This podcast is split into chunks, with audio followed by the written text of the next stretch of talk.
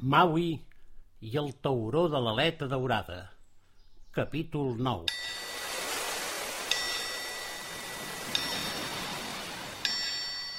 Amb les primeres llums de l'albada va arribar al zènit de Seti, just quan el mapa de les estrelles desapareixia. Com havia passat el dia anterior, l'ull vidrat es va apagar i amb ell totes les estrelles que hi projectava damunt del mar. En el nadí d'aquell punt, els astres de la constel·lació començaven a enviar senyals de foc a les balenes que sota el mar s'hi estaven. Un gran rebombori va esclatar, posant en moviment aquelles colossals criatures que començaren a moure's en cercles, creant un remolí d'aigua que tot ho engolia. La barca de Maui s'hi acostava perillosament i ell mirava de governar-la per allunyar-la d'aquell abim. De sobte, per damunt la barca van començar a saltar un munt de balenes. Es creuaven les unes amb les altres sense parar. Maui va tenir por, però no pas la por que havia sentit altres vegades, quan havia estat en perill, aquella por inconscient de la infantesa, sinó que ara era una por adulta, la por de perdre-ho tot en un no-res. Perquè va recordar el seu somni on un tauró d'aletes daurades saltava per damunt la barca i es va endur el seu pare. També va recordar la predicció 555 del llibre de Caupo, on la seva mare preveia com se l'enduria a ella i al seu espòs de la mateixa manera. Per uns instants va pensar que a ell també se l'endurien, però no pas un tauró, sinó una de les balenes que saltava per damunt seu. Aleshores, però, va passar una cosa fantàstica. Tatioé, la petita balena, es va alçar alta com un Sant Pau sobre la seva aleta caudal i va començar a cantar. No era el mateix cant que havia sentit Maui quan la va salvar de morir de sagnada. Era un cant alegre, que semblava convidar les altres balenes a cantar amb ella.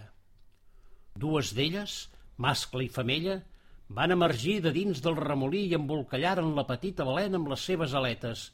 Eren els seus pares que, contents, s'afegien al seu cant. No us puc dir què deia la cançó, però a Maui li va semblar que la melodia era ben semblant a una de les cançons que havia pres de Caupo i que deia així. Quan es perd una estrella, no s'apaga la llum, ni que el dia l'amagui, ni que l'amagui el fum. Busca, busca l'estrella, i quan la trobaràs, només cal de seguir-la i el camí tu sabràs.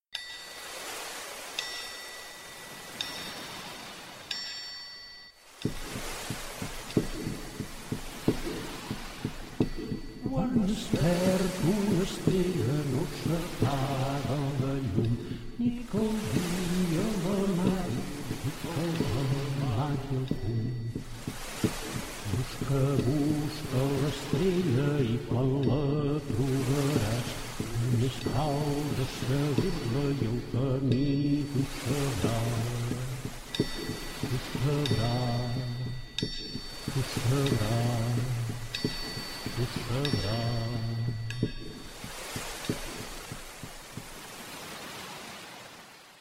cant va fer cessar tot aquell rebombori. Les balenes ja no saltaven per damunt la barca i el remolí d'aigua es va aturar. Tot tornava a estar en calma en el zènit de la constel·lació de la balena. Potser massa en calma, va pensar Maui. Instintivament va arriar la vela i es va lligar ben fort a les xarxes mòbils de la barca. Alguna cosa havia de passar. Oh, tant que sí! De cop i volta la seva barca es va veure empesa pel sortidor d'una balena que el va enlairar ben bé deu metres per damunt l'aigua i tot seguit va començar a nedar allunyant Maui d'aquell indret. De primer quin en surt el del noi. En surt que ben aviat es va tornar en emoció. Semblava que volés. Fins i tot es va atrevir a deslligar-se de les cordes i posar-se d'empeus per sentir la carícia del vent. I així, enfilat en aquella mena de pedestal, va recórrer un munt de milles, tantes com les que va creure la balena que s'havien de fer per tal d'allunyar-lo de l'amagatall de les balenes. I quan va ser prou lluny, el sortidor va començar a minvar fins deixar suaument la barca damunt l'aigua. En acabat, la balena portadora, que no era altra que el pare de Tatioé, va donar cinc voltes a la barca i després saltar per damunt d'ella alhora que deixava caure un manyoc de pèls de les seves barbes damunt la coberta. Quina mena de present de gratitud era aquell, va pensar Maui, perquè així ho va interpretar, que allò havia de ser un present, ja que havia ajudat a la petita balena a tornar amb els seus pares. Sense temps de pensar-hi massa, va veure el pare de Tatioé acomiadar-se d'ell llançant un nou raig d'aigua i fent un cant. El noi es va quedar embadalit sentint aquella melodia. Va pensar de retenir-la i, qui sap, un dia potser li posaria lletra. Tot seguit, desplegar els patins i sal a vela per seguir navegant. I Maui navegava i cantussejava aquella melodia que havia sentit de la balena. El seu cap barrinava quina lletra posar-li. Tant i tant s'hi capficà que no es va donar que una altra melodia arribava a les seves oïdes. Era el cant de les sirenes o les ondines, com també les anomenen, aquell cant que diuen atrau els mariners a la seva illa per matar-los. Aquest cop, però, l'objectiu de les temibles ondines era el d'endormiscar Maui, perquè els pops fessin de lladragots i s'enduguessin els queviures i l'aigua.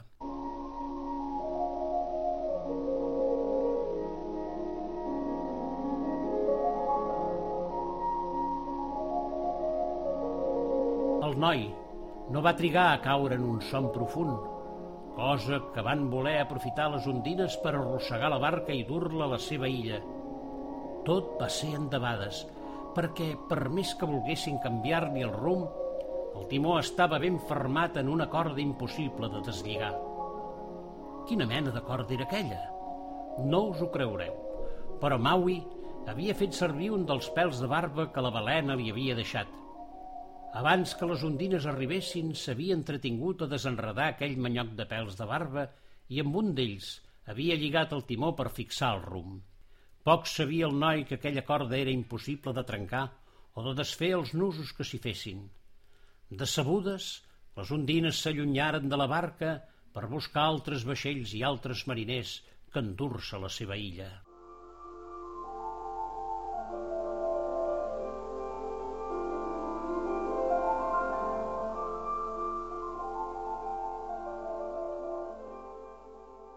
Maui dormia plàcidament i poc que es va donar dels tentacles dels pops que s'escolaven per dins la barca cercant els queviures i el barril d'aigua.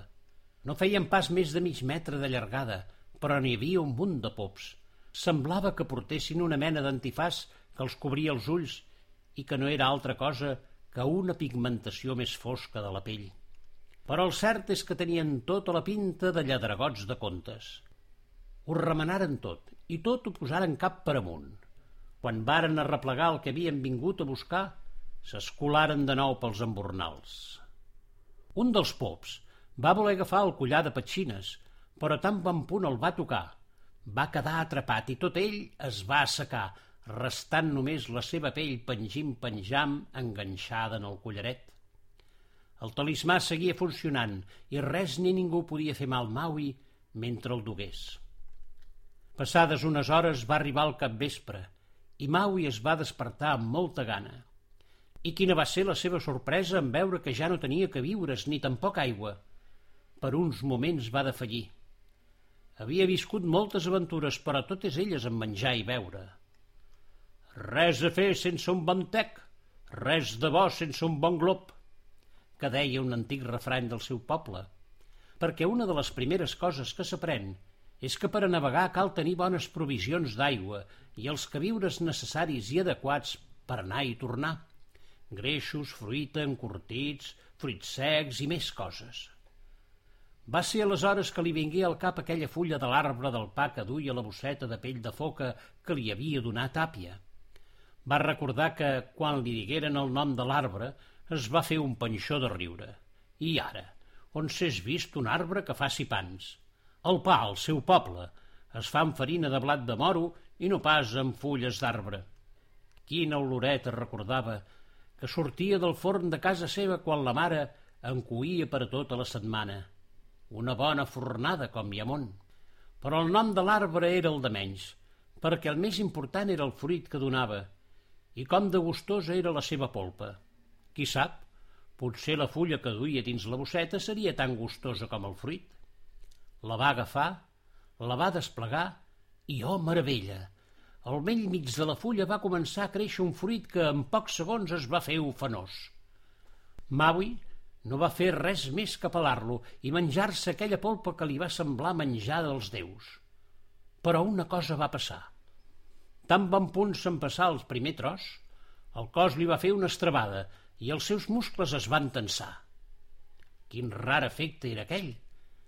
Amb les altres queixalades li va passar el mateix i a mida que en menjava més, se sentia més i més fort. Maui no li va donar massa importància – va pensar que el seu cos agraïa aquell menjar.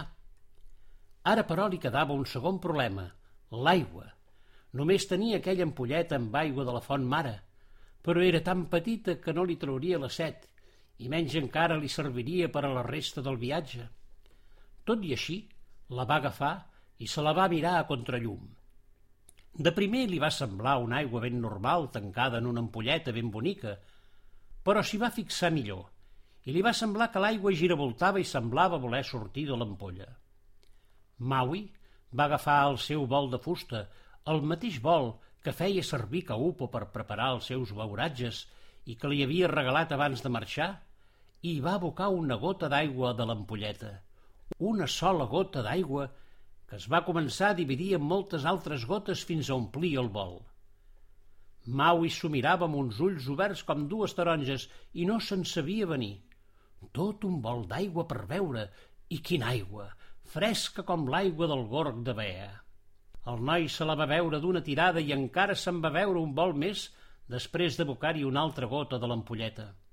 I com li havia passat amb la polpa del fruit de l'arbre del pa, va tenir la sensació que els seus sentits s'aguditzaven, que era capaç de veure més enllà, d'escoltar sons que fins ara li eren imperceptibles, d'ensumar no només l'olor del mar, sinó tot el que hi havia de sota, de trobar-hi tots els gustos en la polpa que es menjava i de sentir damunt la seva pell sensacions que mai no havia percebut.